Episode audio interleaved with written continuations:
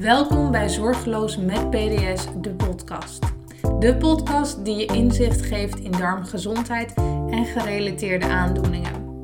Ik ben Koosje, orthomoleculair therapeut en ervaringsdeskundige als het gaat om het prikkelbaar darmsyndroom.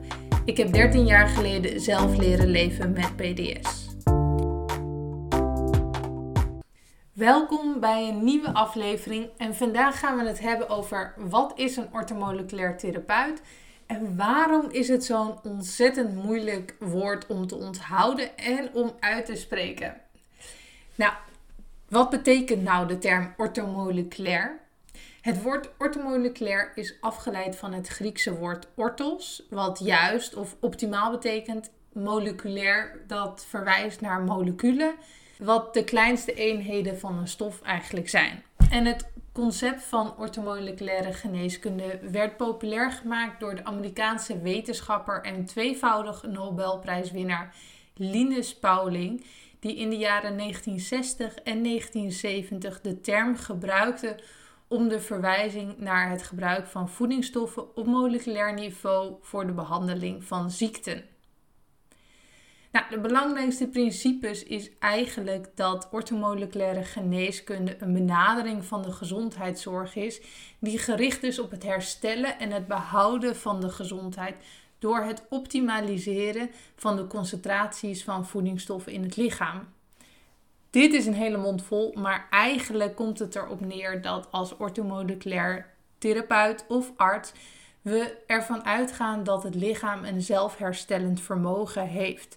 En dat door het optimaliseren van nutriënten, dus vitamine, mineralen en aminozuren, maar ook hormonen en neurotransmitters, we het lichaam natuurlijke evenwicht kunnen herstellen en daarmee dus ook klachten eh, en eventuele ziekten kunnen voorkomen dan wel kunnen verminderen.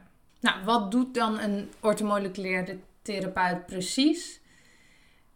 De kern is dus het streven naar die optimale gezondheid door het herstellen en het behouden van de juiste moleculaire omgeving in het lichaam.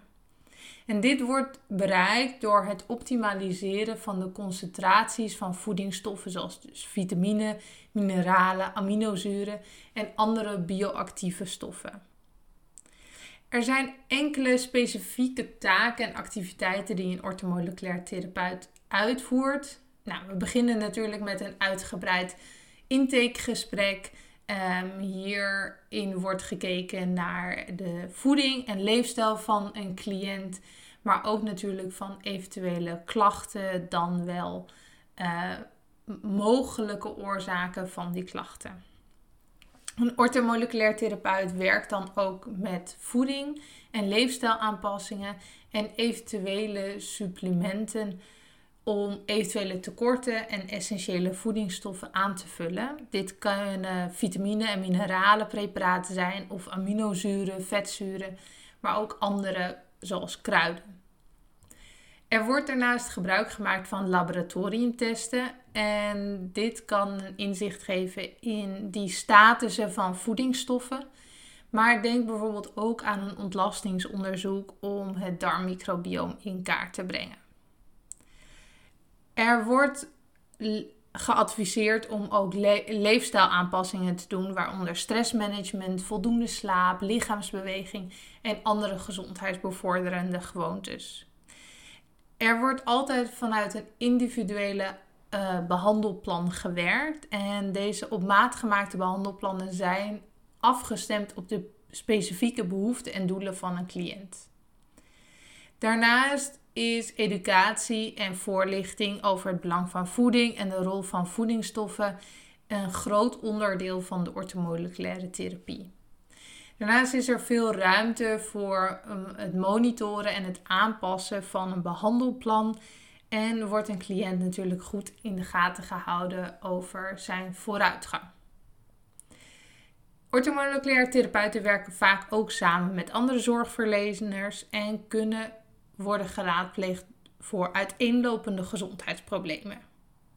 Ik richt me bijvoorbeeld voornamelijk op darmgerelateerde klachten, maar er zijn ook therapeuten die meer gericht zijn op hormonen of op burn-out klachten. Maar denk bijvoorbeeld ook aan de postvirale syndromen zoals long-covid, de ziekte van Lyme. Ortomoleculair therapeuten maken gebruik van wetenschappelijke onderzoeken en de rol van voedingsstoffen en biochemie in het behoud van gezondheid en de behandeling van ziekte.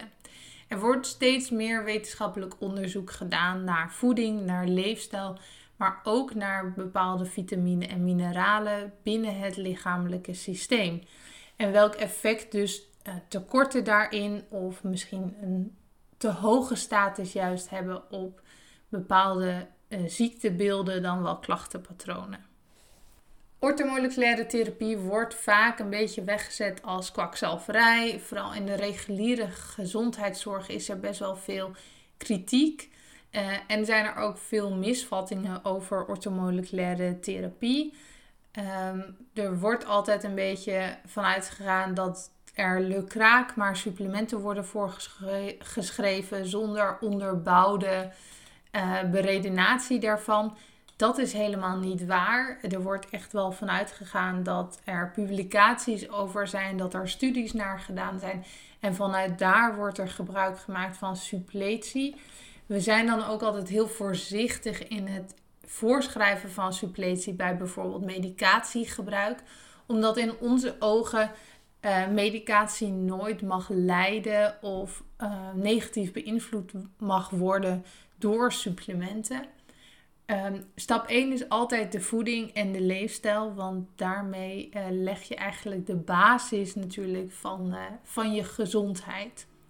Ortomoleculaire therapie kijkt dus veel verder dan alleen maar de afwezigheid van ziekte, maar eigenlijk kijken we echt naar hoe kun je gezondheid optimaliseren en hoe kan dat natuurlijke proces van het lichaam om zichzelf te herstellen gestimuleerd worden en ondersteund worden.